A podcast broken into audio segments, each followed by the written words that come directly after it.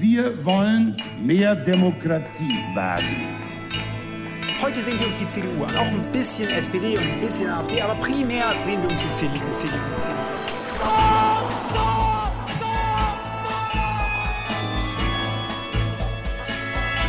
Niemand hat die Absicht, eine Mauer zu errichten. Ich weiß, ich habe heute Morgen in den Spiegel geguckt und dachte, wer ist denn die Hotte Bitch?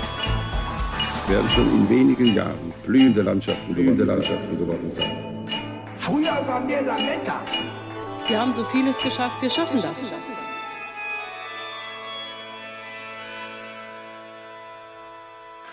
Velkommen eh, til podkastseminar her på Kulturhuset.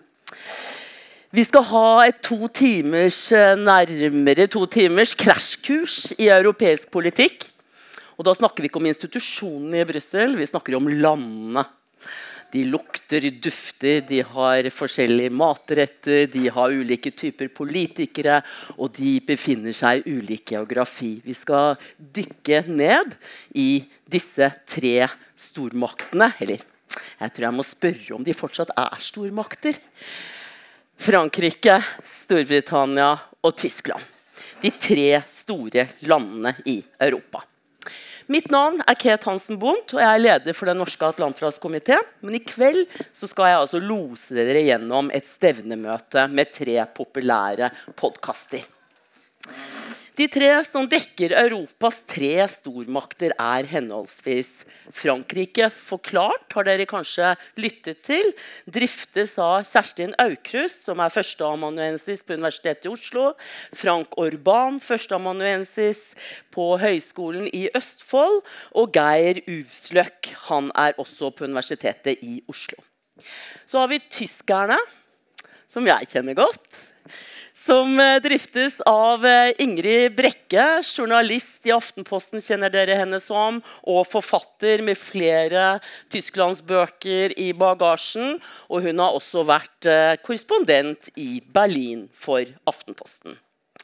Hun har med seg Kai Hanno Schwint. Han er opprinnelig fra Tyskland. Jeg må få lov å si det gamle Vest-Tyskland, Kai. Er medieviter og også forfatter. Så har vi Pod Britannia.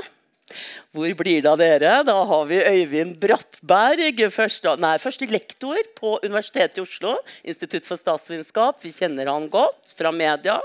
Og Jan Erik Mustad, som er førstelektor nede ved eh, Universitetet i Agder. Vi gleder oss til å høre mer om hva som eh, fikk dem til å starte disse podkastene. Litt om enkeltlandenes eh, utvikling. Og jeg må be Frank Orban komme opp først av alt, for han skal fortelle oss litt om Frankrike. Du får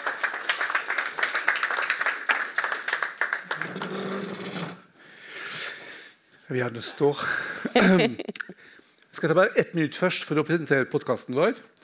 Du spurte hva som var ideen bak. Hvorfor starta vi med det? Vi starta med det fordi vi fant ut at eh, det var generelt sett for lite snakk om Europa, europeisk politikk og land, europeiske land. Og når det gjelder land som Frankrike og Tyskland, eh, kanskje i mindre grad eh, Storbritannia, så er det vanligvis vanskelig å rekruttere studenter, spesielt unge. Det er vanskelig å få dem til å lære språk. Uh, og um, det er en tendens nå er det franskmannen som snakker, det er en tendens til angelsaksifisering som gjør at det er mindre interesse for uh, andre europeiske land. Så vi tenkte at dette må, gjøre, dette må, vi gjøre noe med. Og så satte vi, et, vi satte oss et mål om å prøve å være premissleverandør til presidentvalget i år. Så vi starta i 2020. Vi har bak oss en, kanskje 60-70 episoder. Uh, de er på en halvtime. Vi har vanligvis en gjest med oss. Uh, og så har vi en anbefaling og en kronikk uh, i forskning.no og Transittmagasin. Så sånn, mm. sånn, har vi fungert. Og vi skal fortsette videre med blanding av kultur, litteratur og politikk. Så det var på en måte min introduksjon om, om podkasten vår. Jeg har til og med vært gjest hos dere. veldig hyggelig. Veldig, veldig hyggelig. Um, Fra Macron 1 til Macron 2, Frank. Ja, det, det var det. Uh, hvis jeg skal fokusere på, på han eh, som president, så, så, må jeg si at eh, det har vært eh, Det har vært, eh, en, det har vært et vanskelig gjenvalg for han i utgangspunktet. Fordi at selv om han hadde en stabil eh, ledelse i meningsmålingene eh, de siste årene, og det, der skilte han seg ut fra forrige presidenter, så var, eh, så var hans mandatperiode på fem år vanskelig. Altså, han har hatt ett år hvor det gikk ganske feilfritt. Det var 1718. Og så begynte man, og så kom det tre kriser etter hverandre. Først hadde du de gule vestene fra eh, november, eh, altså høst eh, 2018 til eh, tidlig på, i 2020. Som ble avløst av covid-krisen. Og uh, rett etter covid-krisen, uh, før covid-krisen var over, så, eller, nei, etterpå, så kom krigen i Ukraina.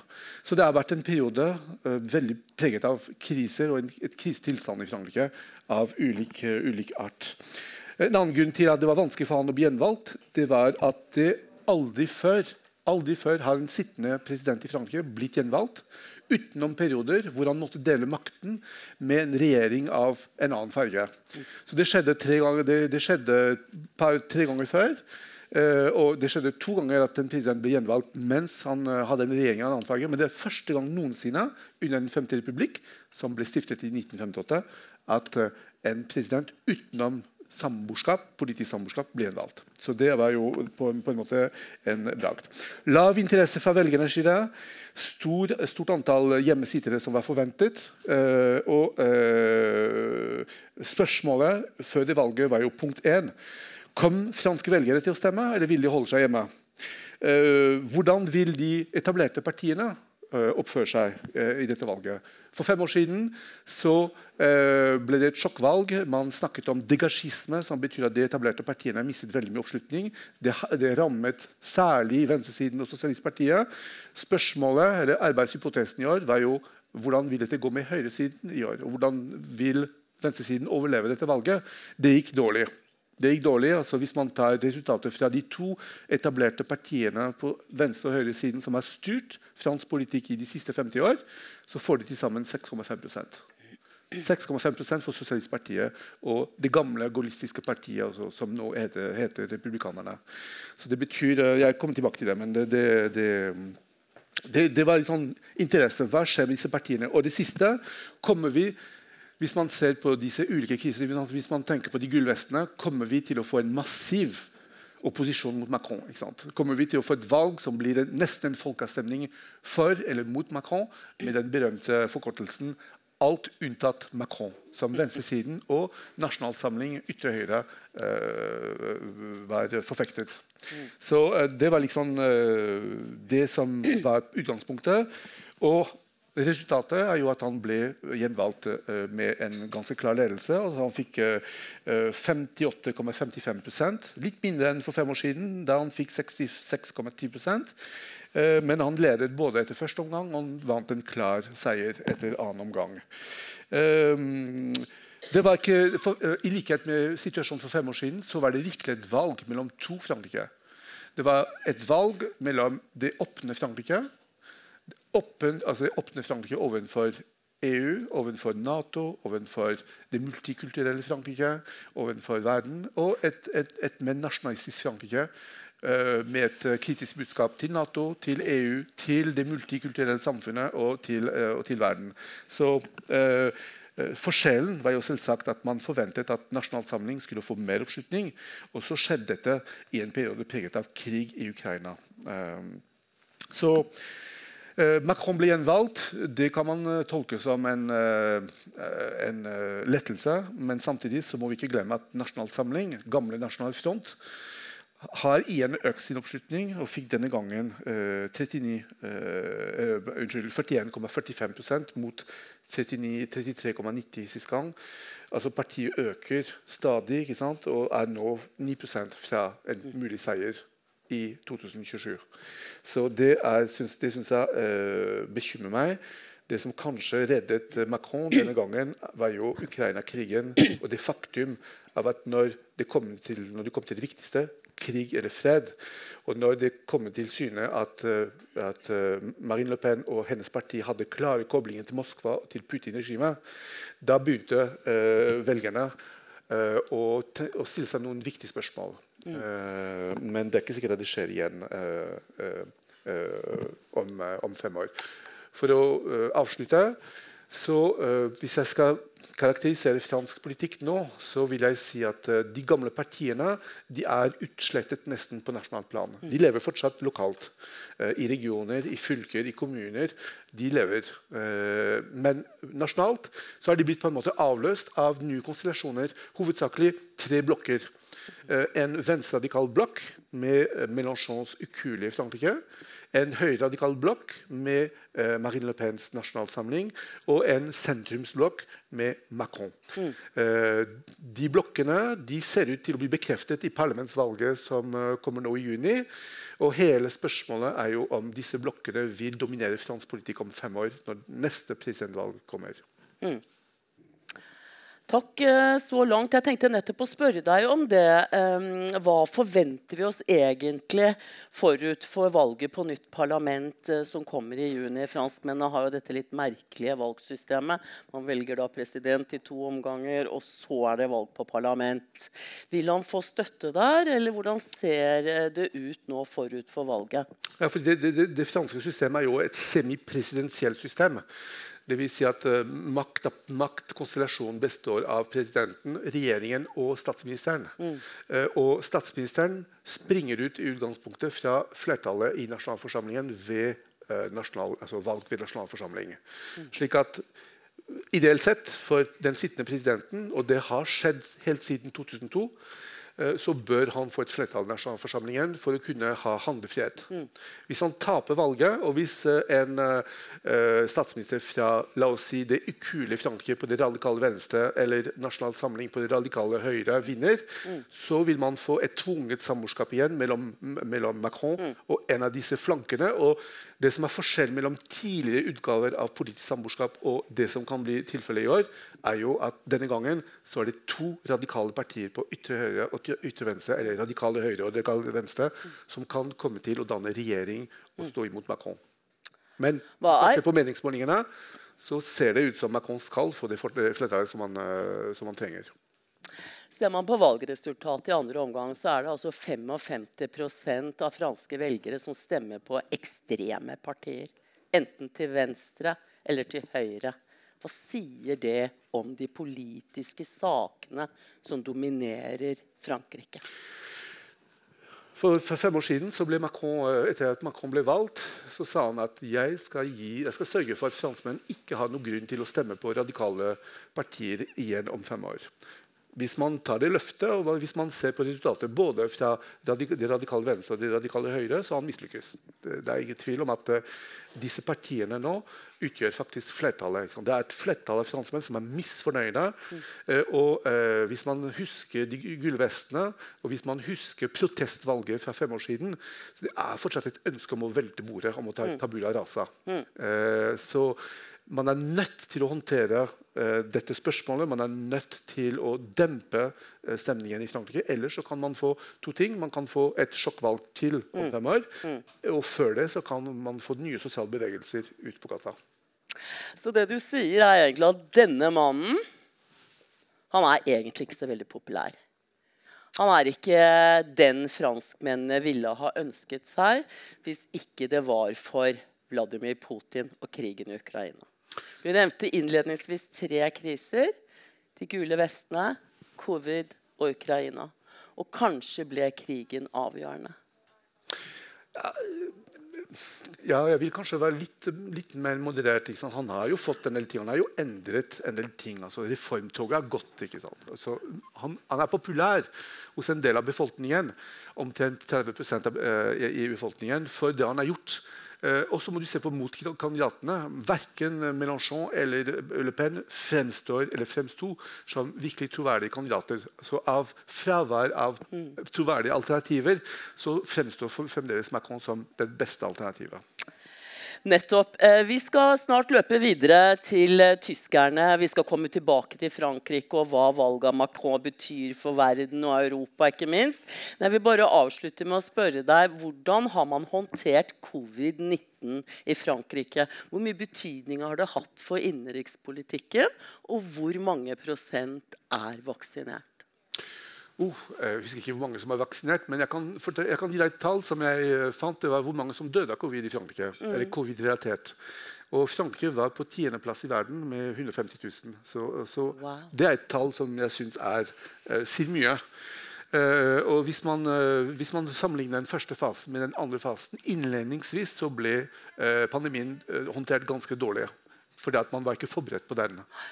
Og takket være eh, eh, kontakt eller forholdet til tyskerne og, i EU-systemet, så klarte man å bygge opp et fellessystem som sørget for at man fikk vaksine etter hvert. Og det som var kanskje litt sært for Frankrike i forhold til andre land, var jo innføring av nett, altså nettstengning. Man hadde to perioder med, en periode med full nettstengning og en med delvis nettstengning, som egentlig ble ble, ble, ble tolkt ganske bra av befolkningen. Så jeg husker alle disse ukene, og det var mange hvor folk ikke fikk lov å gå ut i det hele tatt unntatt én time for å lufte hunden. Og det var veldig eh, populært på den tiden å kjøpe seg en hund, for man kunne leie hunden ut. Eh, man kunne leie hunden, hunden sin ut til andre for at folk skulle kunne ta, ta seg litt eh. Luftetur. Så, så, så det var en tung periode, men jeg syns egentlig at det ble tålt ganske bra. Men ett tall sier mye. 150 000 som døde. Takk for det, Frank, eh, så langt. Vi skal komme tilbake til Frankrike om et lite eh, øyeblikk. Eh, Først skal vi høre litt om tyskerne og utviklingen i Tyskland. Gi Frank en stor applaus.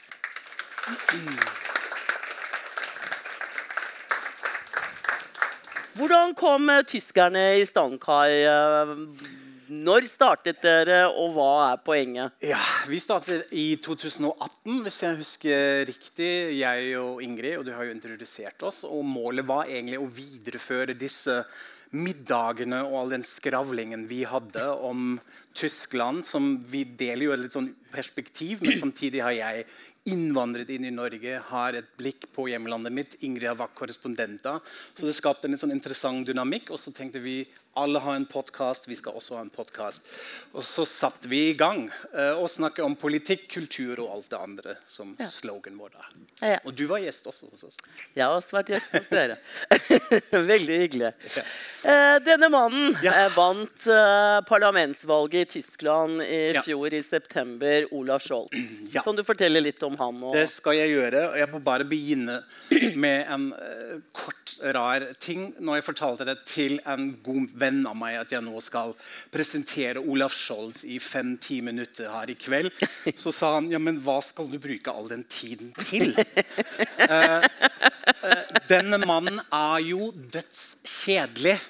Eh, og det er det imaget som fortsatt henger ved. Og jeg har jo også pratet om det i podkasten vår, at jeg faktisk har møtt han personlig eh, ved en uh, mottagelse i Hamburg i rådhuset og snakker litt sånn ett minutt med han. og da kan jeg bekrefte også dessverre at det var ikke nødvendigvis en mann som oste karismaer, og hvor alle holdt pusten og sa dette her er Tysklands fremtidige kansler. Men allikevel vant han jo valget eh, i fjor. Og eh, jeg tror dette skyldes hovedsakelig at han er en veldig kjent skikkelse i tysk politikk. Han har vært med veldig lenge. Han har vært borgermester i Hamburg. Han har vært arbeidsminister i kabinett Merkel 1. Eh, Angela Merkel har jo eh, regjert hovedsakelig må man si, med en stor koalisjon bestående av CDU og SPD, altså Sosialdemokratene, partiet til Olaf Scholz. Og så var han finansminister nå sist under Angela Merkel 4 uh, hele, hele veien ut. Scholz, og Da kommer kanskje litt det kjedelige imaget fra. Nå håper jeg jeg fornærmer ingen. Er utdannet jurist. Han har jobbet som advokat. Uh, han er gift med en annen politiker, Britta Ernst, uh, fra samme partiet. De har ingen barn. Og som han selv sa en gang Livet mitt av politikk. Det er alt det jeg er opptatt av hele tida. Og han har også blitt omtalt som det vi kaller for en partisoldat. Partisoldat er en person som er trofast og lojalt mot partiet sitt, på godt og vondt. Og når man ser på denne eh, ja, vi kan kalle det reisen som sosialdemokratene har hatt bare i de siste 20-30 år hvor Scholz har vært med, så har det vært veldig mye berg-og-dal-bane. Veldig mye som skjedde, men Scholz har vært med på en eller annen måte. Men så er det mange som sier han vant valget fordi han ligner på Angela Merkel. Han prøvde å etterligne Angela Merkel, og da har jeg med meg et bilde som forhåpentligvis kommer opp her som illustrerer det poenget litt. Uh, dette er fra en fotosession til Süddeutsche Zeitung, hvor han da stiller opp i den kjente posituren som Angela Merkel pleier å innta når hun tas bilde av med denne Merkel-rauten, denne geometriske figuren. Uh, og hun hadde jo den slogan i siste valgkampen 'Sie kennen mich'. De, dere kjenner jo meg. Og dette er altså noe som eh, PR-kampanjen til Scholz prøvde å herme. Men så er det jo veldig viktig å si at han er leder nå av en regjeringskoalisjon. Eh, en koalisjon som består av tre partier. Hans egen, Sosialdemokratene.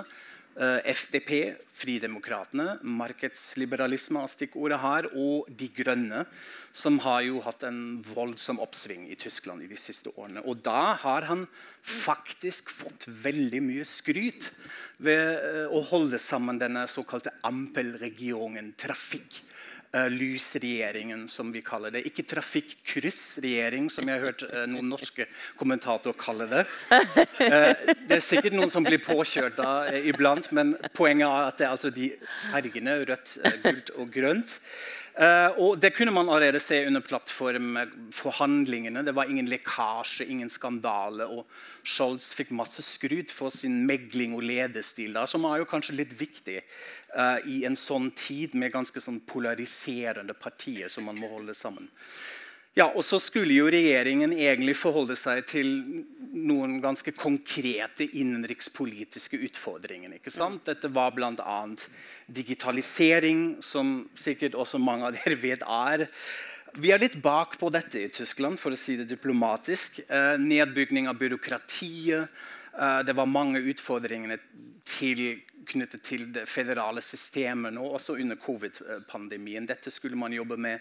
Sosial rettferdighet sto, høyt på agenda, spesielt basert på SPD. Eh, sin tilnærming. Minstelønn ble faktisk innført. Boligbygning. Og så var det selvfølgelig energipolitikk. Uh, og da hovedsakelig med å drive frem det grønne skiftet. Mm. Og ikke minst skulle også Scholz stå i spissen av en hva skal man si det, ny tid. Uh, Angela Merkel har regjert i 16 år. Hun har stått for stabilitet og trygghet. Men det er også mange som sa dette var en, stag, uh, en slags stagnasjon. Mm. Vi er sultne etter ny politisk retorikk, etter friske puster osv. Men så måtte han forholde seg til en helt ny reform. Nemlig etter krigen i Ukraina eh, mm. kom denne berømte Zeitenwende, mm. paradigmeveksel, ved å si nå skal Tyskland trappe opp eh, militær støtte. Bundeswehr fikk 100 milliarder euro. Uh, og plutselig var det den utfordringen som ikke mm. bare Scholz, men den regjeringen måtte tåle.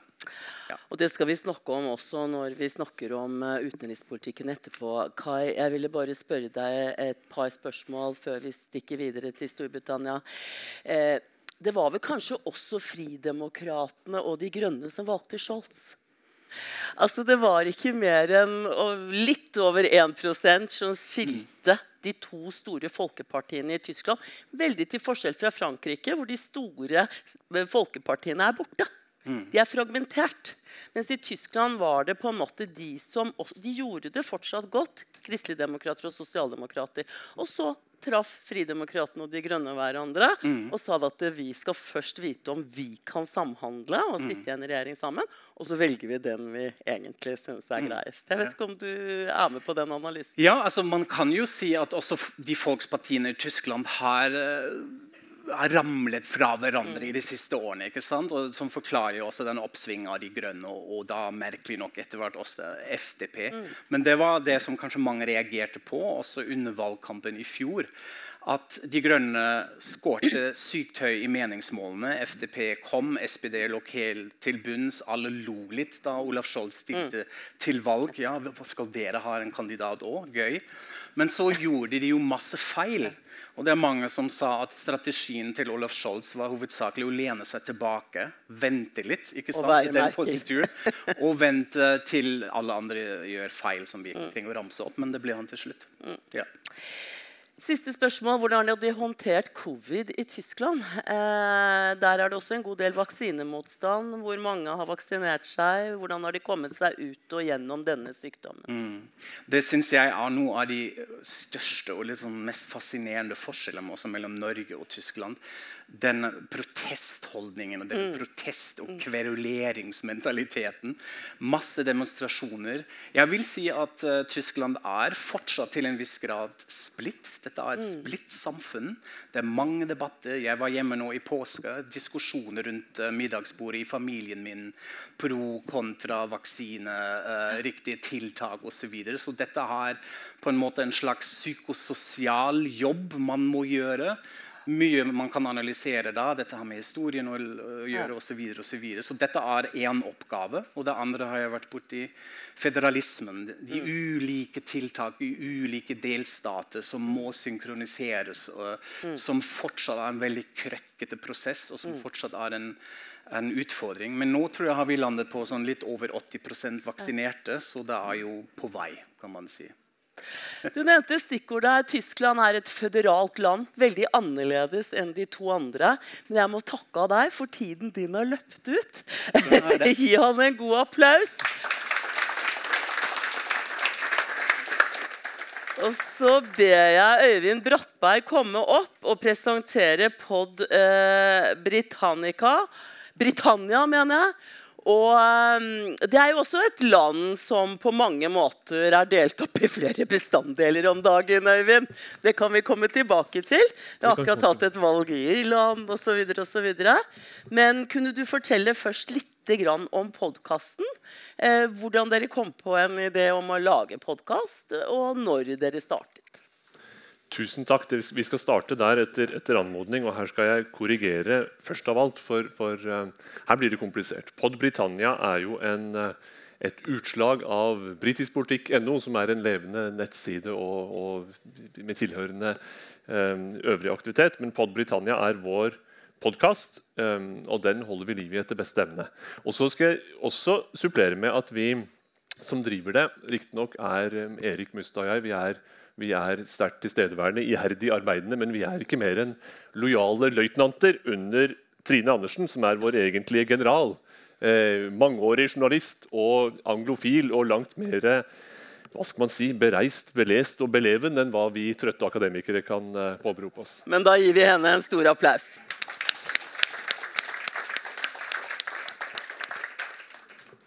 Så Storbritannia, Boris Johnson, villmann på gjenvalg.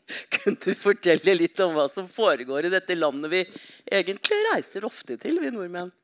Villmann på gjenvalg det var jo under en litt sånn eh, sprakete Zoom-samtale at det, den tentative tittelen ble valgt. Men den er jo, den er jo veldig passende.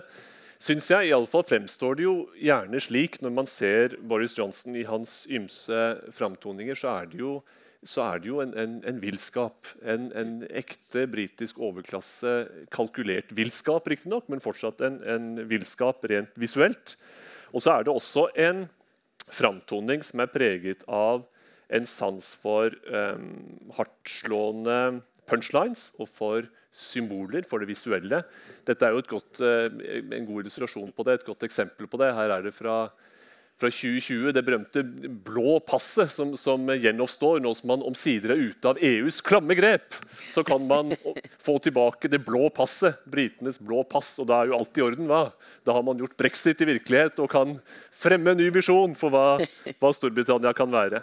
Og Vi kunne jo eh, i jakten på, på litt sånne brexit-relaterte sjablonger så kunne vi grepet tilbake til den røde bussen, som mange vil huske fra valgkampen i forbindelse med folkeavstemningen om brexit. Det var, eh, That's the moment who made the man, kan man vel si. Det er jo det, det øyeblikket, den, den evnen til å kalkulert gripe brexit-kampanjens muligheter. Det er den som la grunnlaget for, for Boris Johnsons eh, klatring til toppen. Og, og eh, så lot han jo hva skal man si, prosessen flyte i en seig strøm fram til han sjøl tok over roret eh, i 2019. Problemene er jo de som har kommet etterpå. Eh, hans egen statsministertid siden sommeren 2019 har vært en vanvittig berg-og-dal-bane. Vi kan komme litt tilbake til de forskjellige temaene som har, har, slått inn. Men vi har jo, igjen så kan man jo huske det visuelle. ikke sant? Fra, fra get brexit done og slå neven i bordet via alvorlig covid-sykeleie, hvor han var eh, akuttinnlagt og, og døden nær. Eh, I retning nye toppmøter med, med, internasjonale ledere og et forsøk på å fremme Global Britain. Og så tilbake til hjemlige politiske skandaler. Og til slutt marsjerer han gjennom Kyivs gater som en slags eh, eh, frihetens eh, forkjemper. Eh, og da i bevisst kontrast til enkelte andre europeiske ledere som enten ikke er velkomne eller ikke våger seg dit. Dette her er Boris Johnson i et, i et nøtteskall. Sjablonger, det visuelle, ønsket om å kaste fram visjoner, beholde et slags politisk eierskap til slagordene som står øverst i avisene. Og så er det litt mer problematisk med implementeringen. kan man si. Og Det er jo det som uh, legger premissene for ferden mot neste valg. Hva var egentlig disse visjonene? Hva har blitt til gjennomføringen av det? Og, og hvordan skal man bedømme ham når man får muligheten til det ved neste valg? Ja, hva er Boris Johnsons politiske prosjekt? Er det skjult bak et eller annet sted bak alle skandalene i hagepartiene? Hans politiske prosjekt tror jeg eh, aller først var å gripe muligheten til, til makt. Mm. Og så seile dit vinden blåser, så å si. Eh, og, og, bruke det for alt det var verdt. Eh, tid, tidlig eh, for ham så var jo brexit på et vis alle tings mening, eh, mening og mål. Vinner man først utmeldingen av EU, så kan man forme et, et britisk samfunn etter noen gode ideer. Og en, en, stund så var det jo Dominic Cummings, hans, eh, hans eh, gale rådgiver, som, som uh, tilbød en del strategier. Og de handlet jo om et, et en, en veldig smart og litt sånn slankere stat med, med, effektivt entreprenørskap, med en veldig bevisst gjennomtenkt innvandringspolitikk, med offensiv velferd de som trenger det mest. rett og slett, å vri og kna og gjøre alt veldig smart. Den eh, kampen den, den, den, gikk etter hvert på, på, grunn, med ymse personstridigheter osv. Og, så og nå vil jeg si at eh, i den tid som har gått etterpå, det halvannet året som har gått etter at Cummings gjorde sin sorti, så driver den, denne regjeringen for revne seil i, i, i kampen mellom ulike visjoner for hva en borgerlig regjering i Storbritannia bør være. Mm. Og Noe skyldes covid, noe skyldes um, økonomisk krise, noe skyldes i senere tid uh, krigen i Ukraina. Men det er også uh, bortenfor slagordene en alvorlig utfordring, en uløst utfordring for Boris Johnson å rett og slett legge en mer langsiktig plan for hva hans regjering vil tilføre Storbritannia. Mm. Jeg må nesten spørre deg, Vi har akkurat hatt uh, et valg uh, i Nord-Irland. Hvordan påvirker dette utviklingen i London? Uh, vil vi ha et Storbritannia som vi gjenkjenner om en fire-fem år? Ja, det er, jo, det er, jo, på et vis paradokset her at man, at, at man kjemper for en utmelding av EU omsider oppnår å melde seg ut av unionen og opplever som en konsekvens av det at ens egen union er i ferd med å slå alvorlige sprekker. Mm. Det gjelder jo eh, åpenbart Skottland, og det gjelder det irske, irske problemet og grensen mellom Nord-Irland og, og, Irland, som har vært en drivkraft bak de politiske vanskelighetene der mm. nå. Eh, unionistenes eh, nedsmelting, iallfall det største unionistpartiet, og, og Sinn Fein sin, sin, fremgang. Og denne tanken om at, at, Boris Johnson har vært villig til å kaste unionistene under trikken så å si, og la dette seile videre i retning et gjenforent Irland i et langt perspektiv. Det er den, den fortellingen man iblant får høre. Mm. I eh, London så tror jeg nok man først og fremst er opptatt av hva som gagner den britiske regjeringen. Eh, og Nord-Irland har aldri vært veldig sentralt for den regjeringen, eh, og er det heller ikke i dag. Men at Nord-Irland er uløst, en uløst rest av brexit, det er helt åpenbart. Hva er alternativet til villmannen Boris Johnson? Sakføreren Keir Starmer må være eh, juristen Keir Starmer. Ettersom de har snakket om trøtt, eller kjedelige jurister, så er det også en, eh, en mulighet. Labour eh, som største opposisjonsparti har svære eh, troverdighetsproblemer fortsatt når det gjelder økonomisk politikk. Mm. Har mye uenighet omkring verdispørsmål, om hvilke velgergrupper man skal tekkes. Og har blitt et kolossalt sterkt parti i storbyene. Spesielt blant unge, utdannede, eh, internasjonalt orienterte. Men utenfor storbyen så stemmer man Torry, slik man har gjort i, eh, i, tidlig og sent. har sagt, Men man gjør det i stor grad i dag. Så det, dagens landskap politisk i Storbritannia er også et storbyen mot resten-landskap. Og Det var brexit-striden, og det er den politiske striden også. Og Så langt så har Det konservative partiet og Boris Johnson maktet å fange så mye av spesielt England utenfor storbyen at det har vært nok til både brexit og partipolitisk suksess. Tusen takk, Øyvind. Da takker vi også av deg. Jan, en stor applaus.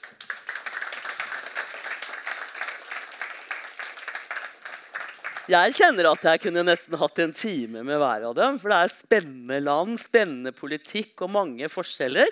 Men nå er det fem minutters pause. Det er bare å fylle opp eh, glassene. Og så skal vi fortsette med litt utenrikspolitikk etter hvert.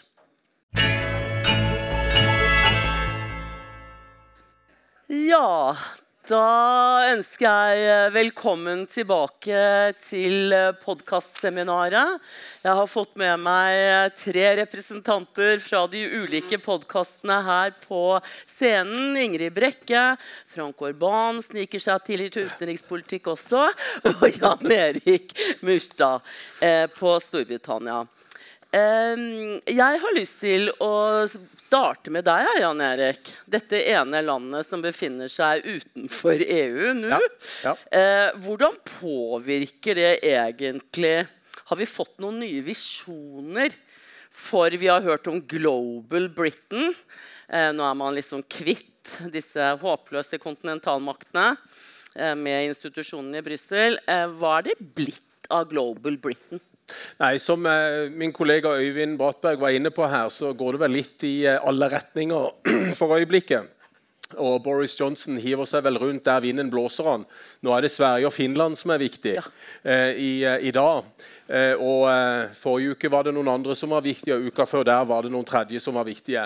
Så eh, dette prosjektet Boris Johnson som vi har hørt, går vel litt i alle retninger uten at man har noe klar idé om hvilken utenrikspolitisk retning som, som ligger som en slags føring på utenrikspolitikken. Global Britain var jo et slagord som ble lansert allerede i brexit. Eh, eh, valgkampen i 2016. Eh, og eh, Boris Johnson hadde denne ideen om å 'take back control'.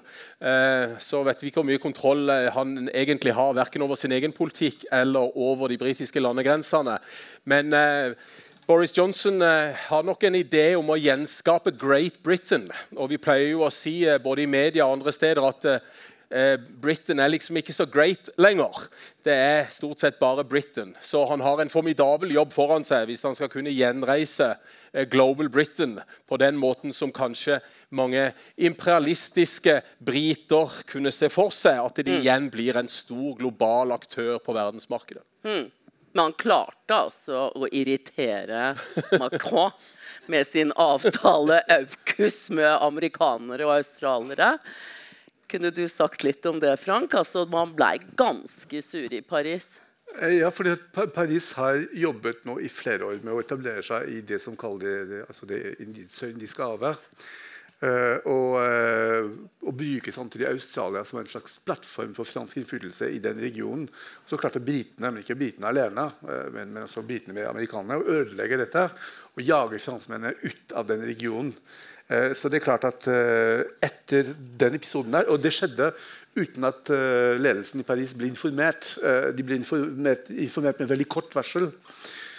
Så dette ble jo tolket som et svik? Som, som virkelig som brit, britene hadde forrådt franskmennene.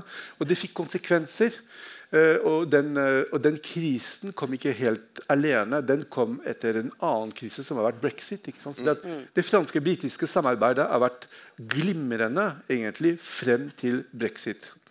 Eh, Etter det så har det vært en lang rekke med ulike kriser som, som har gjort at hvis jeg skal tro Macron, i hvert fall, at Macron har mistet enhver form for uh, tillit overfor Boris Johnson. Så det er ikke tillit til stede.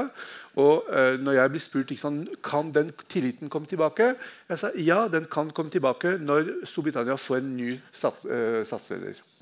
Før det så tror jeg ikke det skjer. Men så gikk vel også eh, franskmennene De tapte også en stor kontrakt med Australia på ubåter.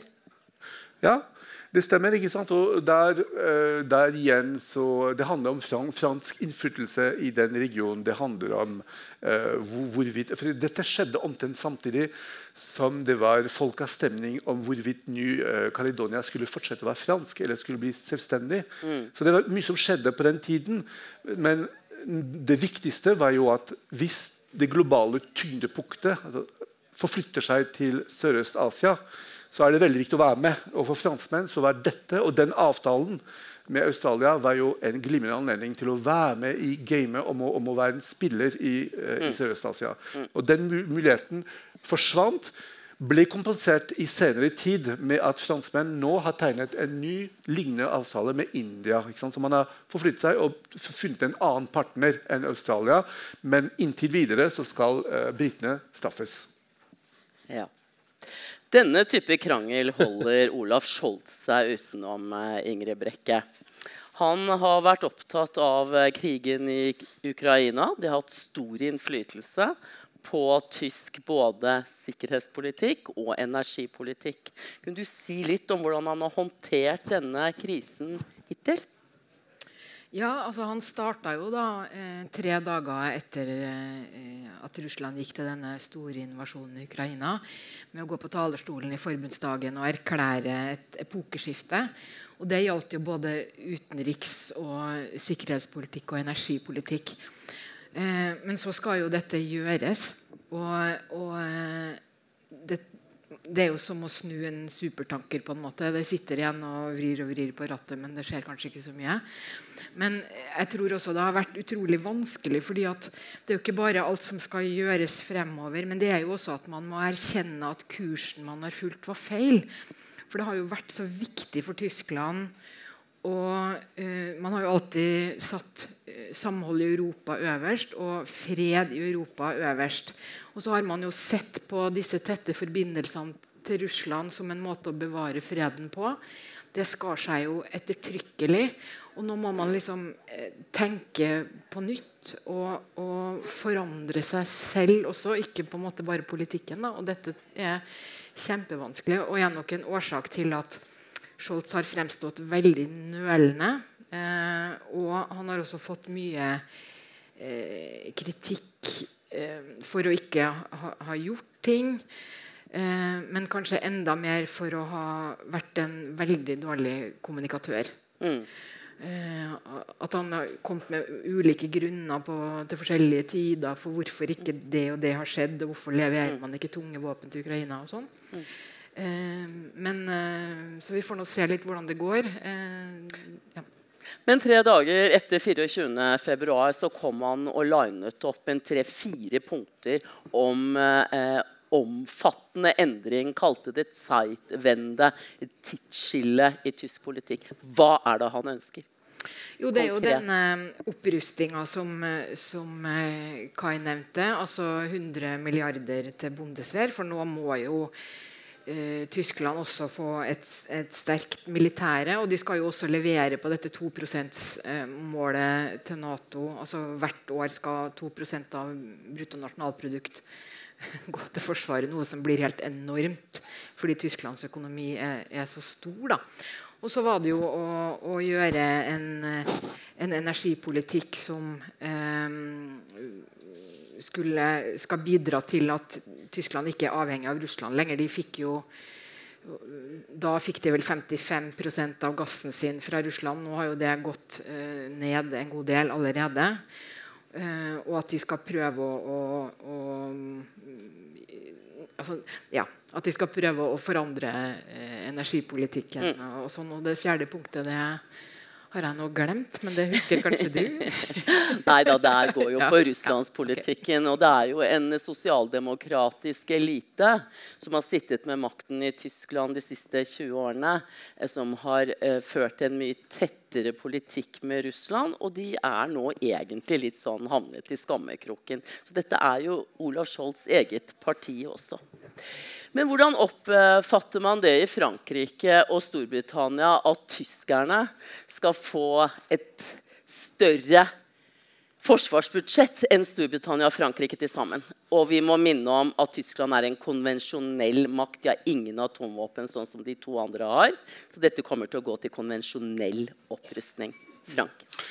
Ja, du, nevnte, Ingrid, du nevnte at det som skjer i Tyskland, er egentlig et tidsskifte i forhold til, til, forrige, altså til tidligere politikk. Eh, Når det gjelder fransk utenrikspolitikk, så er det egentlig en bekreftelse av et valg som man har tatt for lengst. Hvis man går tilbake til 2017 og Macrons tale ved Sorbonne, hvor han eh, snakket veldig varmt om behovet for å styrke EU, eh, og hvor han i ettertid har snakket om behov for å gi europeerne mer autonomi.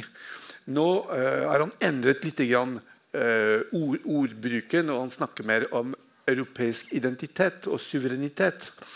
Eh, det som skjer nå, er, tjener egentlig, eller det tjener ikke, men det bekrefter analysen i Paris.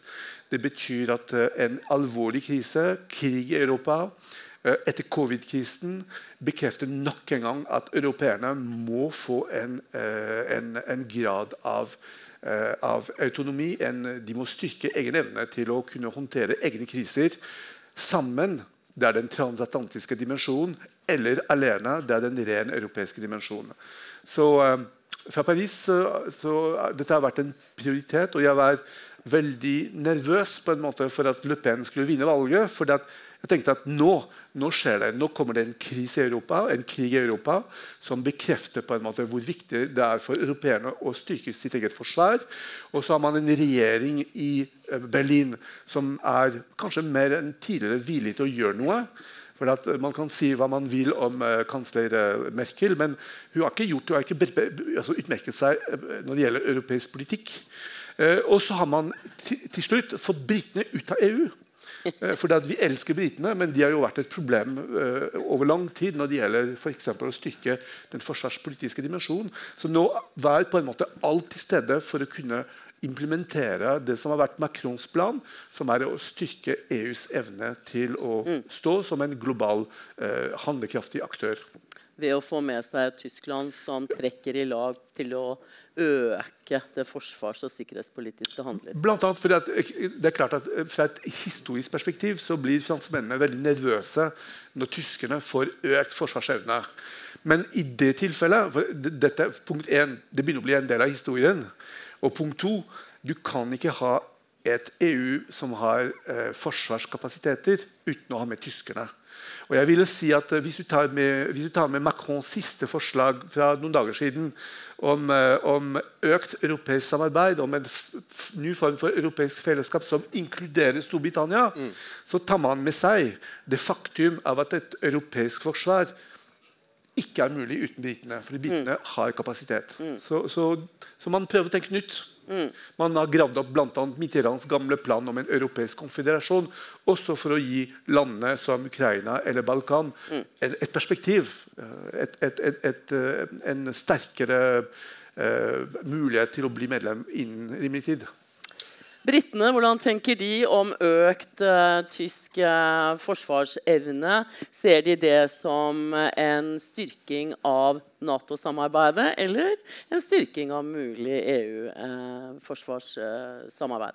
Det er en stor grad av ambivalens i London i forhold til dette. Eh, både i forhold til sikkerhetspolitisk samarbeid og det at Storbritannia står utenfor EU. Så, så her eh, ris det nok flere hester samtidig. Vi var inne på Australia eh, og, og Storbritannia og Frankrikes rolle der nede. Eh, så ligger da i, i bakhodet til britene alltid eh, samarbeidet med USA, som selvfølgelig er mye sterkere enn de andre europeiske landene samarbeid med USA. Så Boris Johnson eh, og London-regjeringen har nok en ganske stor grad av ambivalens i forhold forhold til det som skjer på det europeiske kontinentet. Eh, og eh, Vi har jo sett da Boris Johnson eh, en del solomanøvrer rundt forbi, også i Ukraina, som, som Øyvind nevnte tidligere. Så dette bærer jo litt preg av både Global Britain, ja, sikkerhetspolitisk samarbeid i Europa, ja, fortsatt samarbeid gjennom Nato, spesielt med USA. Så har vi da dette i tillegg i, i Sørøst-Asia. Så, så han rir jo alle de hestene han kan, og dette er jo typisk Boris Johnson eh, i, i forhold til den statsministerperioden vi, vi har lagt bak oss nå et par år. Så, så han rir alt samtidig. Og nå rir han svensk og finsk Nato-medlemskap. Ja. Og jeg vil tro at i London så ser man på det. Dette er jo land som har samarbeidet relativt tett med britene Ja. på det forsvarspolitiske og sikkerhetspolitiske området. Ja. Dette bør som en styrking av Nord-Europa på innsiden av Nato. Kunne du sagt litt om det? Ja, er det en debatt om det? Ja da, og du, du kan jo si at det, han, han har jo interne eh, debatter og stridigheter om eh, atomubåtene i Skottland eh, med Nicola Sturgeon, som er førsteminister der oppe.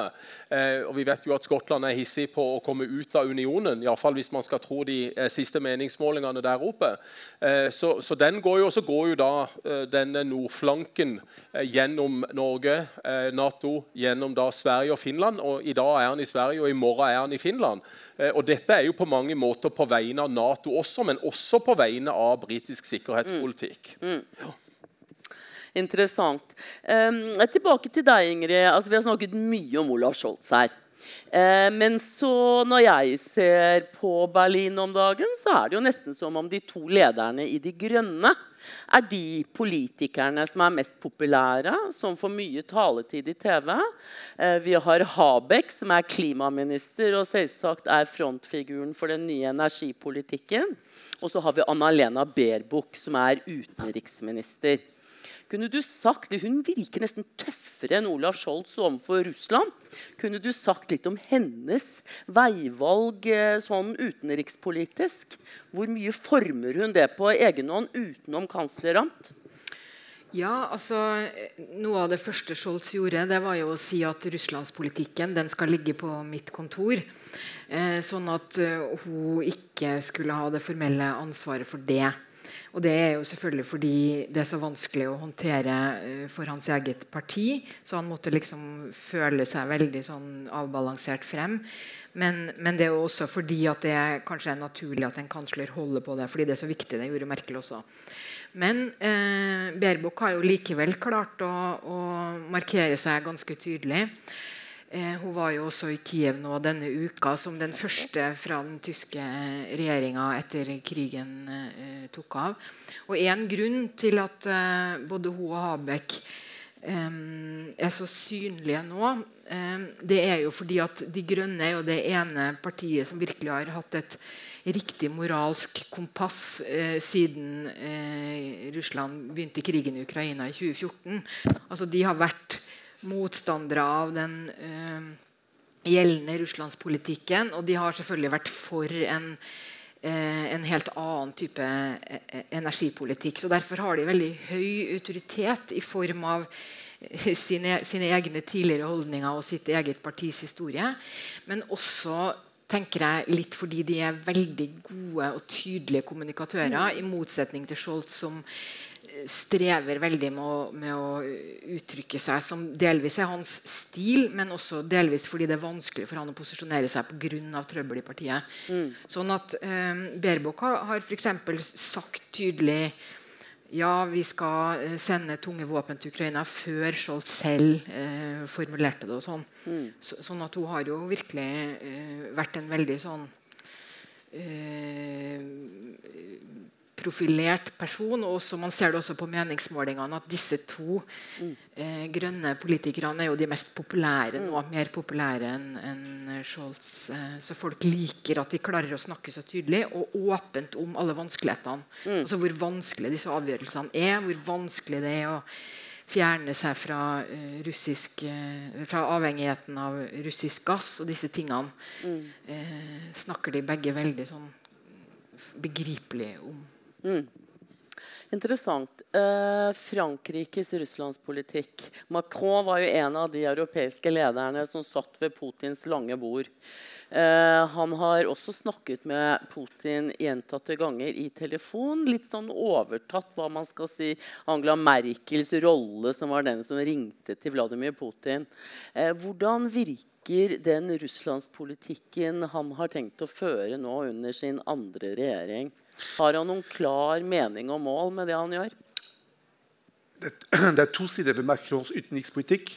Den ene, er deklamatorisk, og den andre er virkeligheten.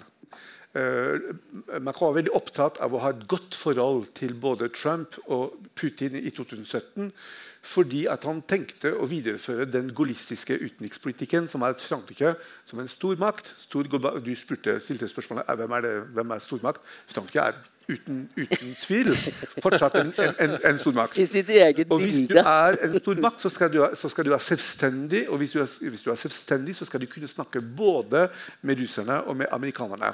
Det er på en måte det deklamatoriske. Eh, men hvordan har det gått? Eh, har eh, Macron klart å endre Trump eller Trumps politikk? Nei.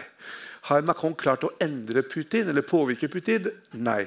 Så Når man ser på resultater, så er det vanskelig, det er vanskelig å si egentlig hvor vellykket den strategien har vært. Det som også er spesielt i Macrons tilfelle nå, er jo at det handler ikke bare om Frankrikes president. Det handler også om det landet som har EU-formannskapet mm. frem til 1.7.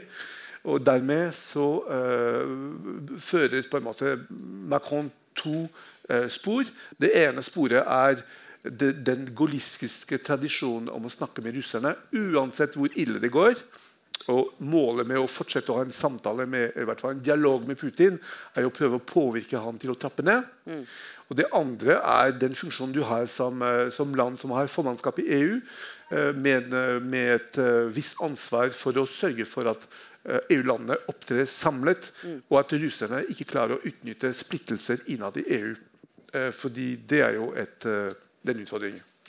Her har vi ganske store ulikheter landene imellom. Jan Erik. Altså, mm. Vi har et Tyskland som er i ferd med å forlate sin tro på vandel durch handel, altså endring gjennom å handle med Russland. Mm. Vi har et Frankrike som fortsatt ser seg selv som en stormakt som skal samtale med Russland. Mm. Og så har vi Storbritannia som har hatt et ganske dårlig forhold til Russland ja. lenge. Ja. Fordi man har hatt disse giftdrapene på britisk jord, ja. selv om eh, de store oligarkene bor rundt Hyde Park, eh, så har man liksom ridd litt ulike hester der òg. Men hvordan er relasjonen nå til Russland? Relasjonen har jo vært dårlig som du sier, over mange mange år. Eh, og Giftdrapene og, og, alle disse rike russerne som egentlig ville slå seg ned i liberale USA, men som måtte ta til takke med Storbritannia, eh, de har jo nå fått frøset alle sine store, store formuer. og man har gått til alle slags, alle slags mulige tenkelige eh, måter å, å, hindre disse oligarkene å, å, benytte seg av noe som helst av sin rikdom. Eh, så, så, er jo også hans eh, tur til Kiev et tegn på hvor lojaliteten ligger, selvfølgelig, i forhold til eh, Russland. Eh, så det at han besøkte eh, Ukraina på den måten han gjorde, og vandra rundt der som en helt i gatene, var jo like mye et signal til Russland om at vårt forhold er dårlig og kommer til å forbli dårlig. Dette, mm. dette forholdet er kaldt, og, og, det blir kaldere og kaldere for hver uke som går. Så, så, det kommer ikke til å bli noe bedre. Og, og alle disse rettssakene i forhold til giftdrap, alle disse oligarkene som har blitt utsatt for terrorangrep, eh, mordforsøk det, det, er klart at det har ikke bedra forholdet mellom Storbritannia og, og Russland. Eh, fotballklubber må selges. Eh, så, så, her eh, får, får, vi en, en, eh, enda dårligere relasjon mellom Storbritannia Russland i, i tida som kommer. Men har man noen diskusjon, noen debatt om forholdet til Russland? Altså, Russland kan jo ikke trylles vekk. Det vil jo være ja, der. Nei, altså, Det er lite diskusjoner akkurat nå, og eh, det har stort sett gått på oligarkene. Å begrense de så mye som mulig, og, mm. og fryse disse voldsomme formuene de har. Eh, og, og, innføre straffetiltak, spesielt økonomiske straffetiltak, i disse som sitter i kretsen rundt Putin. Eh, og Det har man jo lykkes med i veldig stor grad. De kom mm. seint på banen, men da de først kom på banen, Storbritannia, så så, så skrudde de jo til ganske hardt. Eh, og, ja, eh, og kanskje hardere enn de europeiske landene har gjort. absolutt. Eh, og vært ganske klare i retorikken også. Og Det er jo også en del av, av Johnsons politikk å tåkelegge Partygate og alle problemene på hjemmebane med å bruke denne utenrikspolitiske arenaen til å hele tida prate om Ukraina eh, og være i Kiev og snakke ned Putin. Vi lever i en verden preget av stormaktsrivalisering. Vi må jo snakke litt om eh, Storbritannias relasjon til vennen USA også. Ja. Er det tettere nå enn det var under f.eks. Obama? Eh, vi begynner vel å nærme oss et noenlunde samme nivå eh, mellom, eh, mellom eh, Johnson og, eh, og Biden som, som vi hadde med, med Obama. Eh, det er klart Ingen hadde gode forhold til Trump, og, og alle ville helst la han bare være i fred. Eh, selv om Johnson selvfølgelig var på besøk. Det er jo ofte sånn at eh, Den amerikanske nyvalgte presidenten kommer først til Storbritannia. Hvis de kan komme først til Storbritannia, så blir Storbritannia litt eh, sure. For de har jo dette special relationship som kanskje er mer spesielt for Storbritannia enn det er for USA. Men jeg sier jo ofte når det gjelder utenrikspolitiske prioriteringer, så vil eh, Storbritannia velge USA ni av ti ganger. Ja. Så, så der, der er en helt klar allianse der som, som kommer til å, å fortsette, og som er sterkere nå enn han har vært før på mange år. Sånn er det ikke i eh, Tyskland, eh, Ingrid. Eh, Tyskland har en ganske sånn utpreget antiamerikanisme i deler av Olav Scholz' eget parti, Sosialdemokratene, og selvsagt enda lenger til eh, venstre også, så har man AFD, Alternativ for Tyskland, som ikke heller er spesielt begeistra for amerikanerne. Kan du si, Er denne krigen hvor USA på en måte er kommet mer tilbake inn som en viktig premissleverandør i mm, europeisk sikkerhetspolitikk, eh, preger det også diskusjonen i Tyskland nå? Altså jeg tror i hvert fall det ligger veldig under. Eh, diskusjonen i Tyskland nå er jo veldig komplisert og til dels veldig intellektuell. Det er sånne eh, kulturpersonligheter undertegner brev for og mot eh, våpenlevering. Eh, og så diskuterer man veldig mye hva har man egentlig ment i de forskjellige brevene. Og Habermas har skrevet, skrevet et essay så det, så det, er utrolig mye sånn som foregår, som jo handler egentlig veldig mye om, om hva er egentlig arven etter andre verdenskrig. Hva har vi lært? ikke sant? Har vi lært at vi skal være pasifistiske, eller har vi lært at vi må kjempe imot en aggressiv eh, diktator, og i tilfelle med hvilke midler? Og så, og så tror jeg også at denne eh, Det er jo ikke noe tvil om at tyskerne, som alle andre, støtter Ukraina og reagerer enormt negativt på hva som har blitt gjort, men man har likevel litt vanskeligheter med hvor langt man skal gå, og man frykter også atomkrig eh, i høy grad. Og det diskuteres mye mer, og jeg syns mer og mer nå, de siste par ukene kanskje. Og det tror jeg handler mye om USA. Altså at man, en ting er at man frykter hva, hva Putin kan finne på, men man føler seg heller ikke helt trygg på at USA ikke plutselig bare sklir ut og foretar seg et eller annet provoserende. Sånn. Så derfor så er det en slags refleks hos mange at det er tross alt bedre med fred. Og så driver man og argumenterer for at nei, det må bli fred, og vi må snakke med Putin. Og så uten at man har noen som helst idé om hvordan det skal foregå. selvfølgelig, fordi det er jo det alle egentlig vil. Det er bare at det er umulig. Men likevel så foregår det mye debatt på det planet. da. Ja, jeg tror ma- mange føler seg bare fryktelig hjelpeløse. selvfølgelig. Ja. Og det er vel en sånn utstrakt uh, antikrigholdning og Ja. pasifisme i deler av den tyske befolkningen som kanskje er litt sånn bygget opp under en antiamerikanisme, fordi amerikanerne har vært triggervillige gjennom eh, store deler av Men eh, man kan jo også se perioden. nå, Det er også veldig interessant synes jeg, å se at hvert fall hvis man, det, det er jo midt i sånn delstatsvalg. Og man kan se hvordan både AFD og De Linke går veldig nedover. altså Ytterfløyene går veldig ned. Og folk går til eh, den normale politikken. Da. Og det tenker jeg er i hvert fall et godt tegn i en sånn krigstid. At man ønsker jo ikke eh, at gærningene skal få mer eh, Ja, det var veldig stygt sagt, da, men altså man, ja, man, man ønsker eh, eh, rasjonell eh, mainstream-politikk, da. Ja. Frank, altså Frankrike, stormakten, eh, vil jo snakke med USA også. Hvordan er relasjonen eh, til eh, Macron, til Joe Biden-administrasjonen? Eh, Atskillig bedre enn med, med Trump. Eh, men etter en stor forventning, et stort håp om en atskillig forbedring av forholdet, men nøktern. Eh, jeg tror at Hvis man skal beskrive dette forholdet så man, det, det er sånn flere sirkler her. Den første sirkelen er Vesten. Vesten er gjenskapt. Vi er litt i, Cuba-krisen nå. Det vil si at eh, vi har en eksistensiell trussel mot et europeisk land. eh, og den eh, transatlantiske solidariteten den er kommet med full styrke inn igjen. Og Det ser du også på Frankrikes måte å snakke om Nato på. F- Over, eller Ferdig med brain dead Nato. Eh, og en mer nøktern diskurs om, eh, om behovet for Nato i europeisk sikkerhet. Alltid med en eh, påminnelse om at europeisk sikkerhet betyr både Nato og EU. Ja. Men, men likevel, man er fullstendig klar over hvor viktig, hvor viktig denne koblingen til, til USA og til Nato er. Um, en annen ting er um, Det Ingrid nevnte, er jo at man, det kan komme en del usikkerhet etter hvert om, om, det, om sluttmålet med, med intervensjonen. Altså, det er helt klart at man ikke skal involvere seg som, eh, som part i den krigen.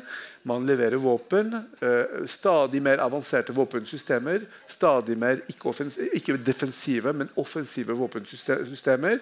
Og husk på at Frankrike er EUs eneste selvstendige atommakt. Og eneste atommakt. Så den, disse truslene fra russerne om å bruke atommakten de resonnerer på en måte med, med den franske eh, forsvarstenkning om bruk av atomvåpen. Eh, uten at, uh, det, hvorfor er det viktig? For det er viktig for fordi at man ikke har tatt stilling fra fransk side om man skal utvide atomgarantien til de andre EU-landene. Før eller senere så må man ta stilling til det. Eh, det er ikke aktuelt ennå. Eh, men eh, en, annen, en siste ting som jeg ville si, er jo at vi snakket om eh, innenrikspolitikken. Og det er veldig interessant å se de politiske kreftene som utgjorde det radikale venstre og det radikale høyre. For de hadde noe felles. De var anti-amerikanske, de var anti-europeiske, og de var pro-russiske. Da snakker jeg både om eh, det radikale venstre og det radikale høyre. Og etnonasjonalistiske. Og, eh, I hvert fall for, for, ytre, for det ytre høyre. Men uh, når de utgjør 55 eller, eller mer av stemmene, så, så betyr det at, at man har en utfordring med å videreføre en utenrikspolitikk kanskje om fem år, dersom de skulle komme til makten en dag. Ja. Forurolige. Foruroligende. Vanskelig ord. Vi må jo da også innom den tredje store makten i verden, Asia. Det er jo Storbritannia som påberoper seg å ha en sånn spesiell Global Britain. altså Hva slags relasjon har de til Kina? Asia. Hvordan ser de på et kommende eh, en supermakt som Kina? Eh, Vi har jo sett at de har vært opptatt nå å eh, inngå bilaterale handelsavtaler f.eks. med store deler av Asia etter brexit. Eh, og Det har jo vært viktig for dem å bygge de relasjonene gjennom handel. For vi vet jo at Storbritannias historie har dreid seg mye om handel før de andre tingene kommer etter hvert. Eh, vi har vært innom Australia her for, for noen minutter siden. Men at det er et sterkt ønske i Downing Street å utvikle tettere bilaterale forhold til de store asiatiske aktørene, det er det, ingenting, eh, det er det ikke noe tvil om. Altså Kina, Japan, India. Eh, mange av disse landene er jo enda i det britiske samveldet, eh, som da tidligere kolonier. Eh, de har allerede tette bånd. Dronning Elisabeth er statsoverhode i Australia og New Zealand om enn så lenge. Så, så vi vet jo at Storbritannia har globalt mange partnere rundt der fordi at disse gamle historiske relasjonene enda finnes. Så det å prioritere eh, Asia og den økonomiske utviklingen ikke minst i Kina, Mm. det har vært en stor prioritering for eh, den britiske regjeringen etter brexit. Men på bekostning av menneskerettigheter i Hongkong? Ja, som de ble kastet ut av. Ja, og 97 var jo 1997 så overga jo britene Hongkong til Kina med visse klausuler i den overgangskontrakten som vi nå ser blir brutt. Eh, og Det er jo til stor bekymring, ikke bare i Storbritannia, men i store deler av den vestlige verden, som nå skrives med stor V plutselig.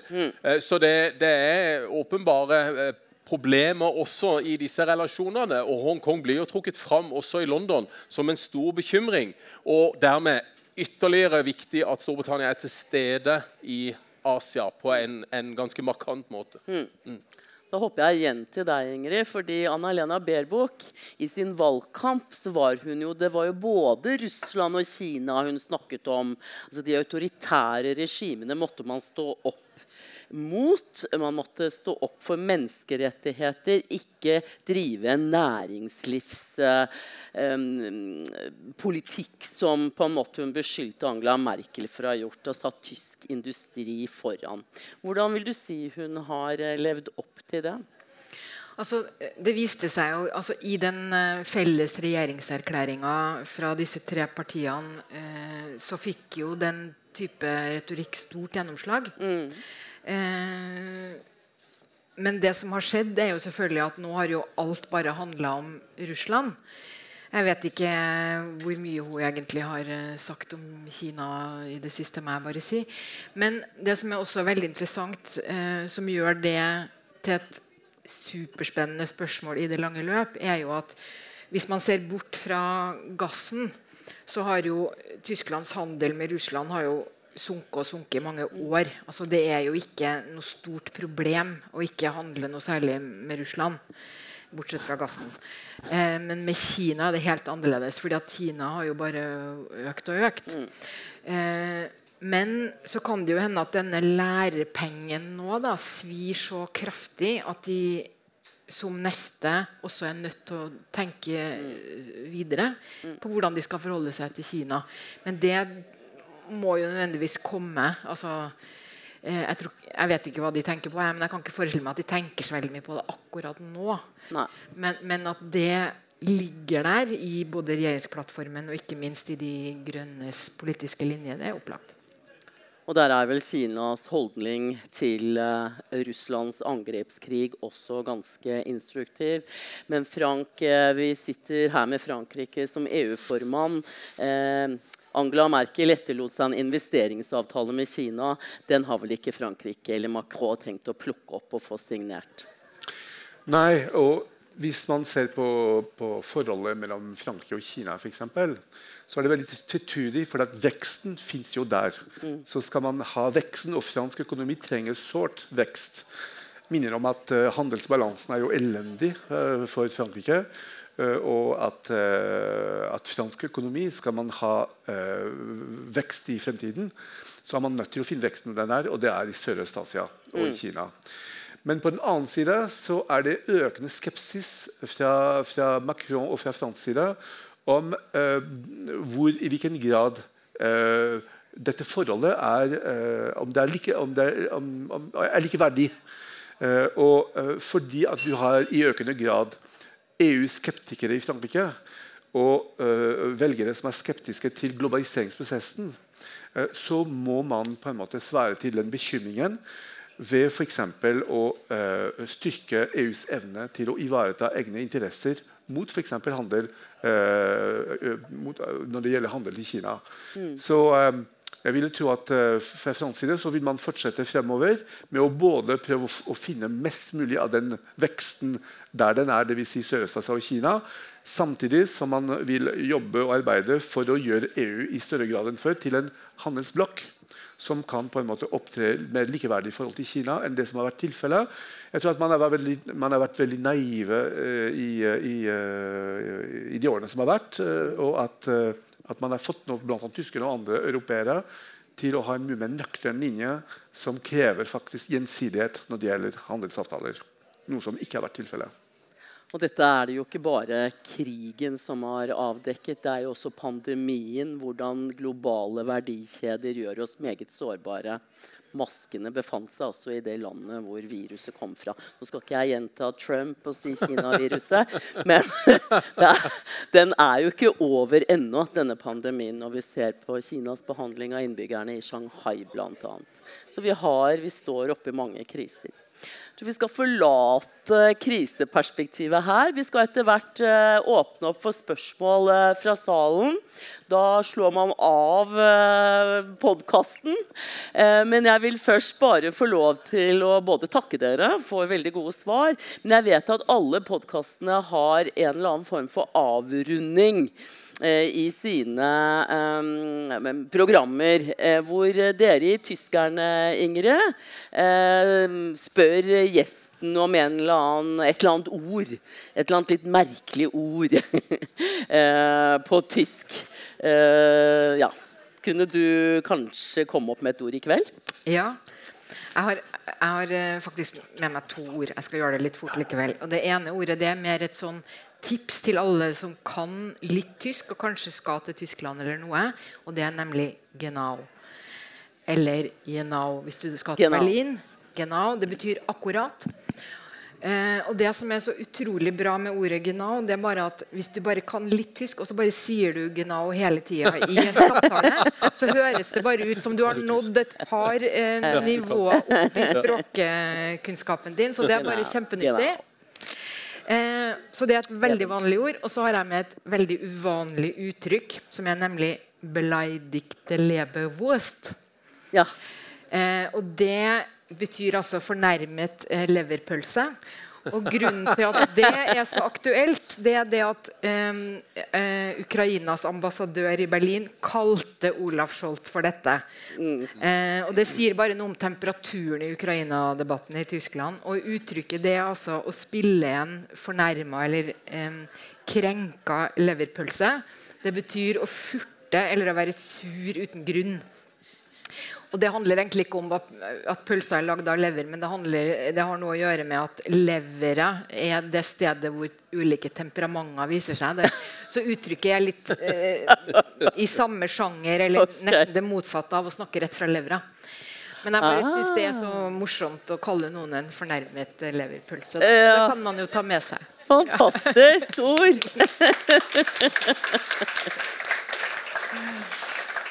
Jeg husker når jeg var gjest hos dere, så trakk jeg frem Wettbewerbfähigkeit. Det er altså konkurransedyktighet. Jeg syns bare det er vanskelig å si. Det er mange bokstaver, men det er veldig tysk. Uh, vi løper videre til deg, Frank. Dere pleier å ha, spørre om en eller annen anbefaling. En ja. fransk anbefaling uh, av gjesten. Det som er Vår anbefaling er jo rett og slett at uh, skal man skjønne litt mer av Frankrike, så er det veldig fint å lese franske aviser. Hvis man skal lese franske aviser, så må man lære seg fransk. Hvis man ikke kan fransk, så er det noe som er mulig nå, som ikke var mulig tidligere. og det er rett og slett at Le Monde kommer jo med engelsk utgave. Mm. Uh, og Det brukte jeg under valget, fordi de hadde veldig mange spennende analyser som endelig var tilgjengelige for folk som ikke kunne fransk. Så jeg vil anbefale at dere, hvis dere ikke kan fransk, at dere fortsetter å bruke Le Monde. Engelsk versjon videre. Det er stort sett gratis, og de er, det er de samme artiklene som den franske versjonen. Mm. De er ganske gode. Og Le Monde er en seriøs avis. Veldig bra. Når jeg var gjest hos dere, så anbefalte jeg en fransk vin. Talbot. Meget god eh, Bordeaux-vin, som jeg drakk, for jeg snakket om det tysk-franske forholdet hos dere, i Sicilienhof utenfor Berlin, i Potsdam, hvor Potsdam-avtalen ble forhandlet frem mellom eh, Truman, eh, Churchill og Stalin. Og han kom og hentet denne frem. Den var støvete og forferdelig fra kjelleren. Og jeg og min mann var overbevist om at dette var det samme de tre hadde drukket. når de satt der. Men fransk vin intet over, intet ved siden, må jeg få lov å si. Storbritannia, dere pleier ikke å ha noe sånn verken anbefaling eller ord, men jeg har bedt deg rote frem et litt sånn spesielt sted vi alle nå bør dra til. På den britiske øya. Ja. Eh, nå etter to år med pandemi, hvor vi er veldig reisehungrige. Et litt spesielt sted. Vi er selvfølgelig reisehungrige til Storbritannia, og Storbritannia har jo masse å by på. Eh, og Nordmenn er jo veldig glad i å reise til Storbritannia. Og eh, Min eh, ansvarlige redaktør Trine mente at vi skulle slå et slag for Norwich. Og Norwich er en fantastisk fin by på Norfolk-kysten, som eh, ligger i East Anglia, som er en time og halvannen ut fra London. Eh, nydelig eh, omland, flott by med en gamleby og alt sånt. Så det området der er det fantastisk fint å reise i. Så vi slår et slag for et område som kanskje ikke omtales så mye i norske medier, og heller ikke i norske reiseartikler. Norwich er stedet. Ok, da vet vi hvor vi skal i sommer. Gi dem en stor applaus.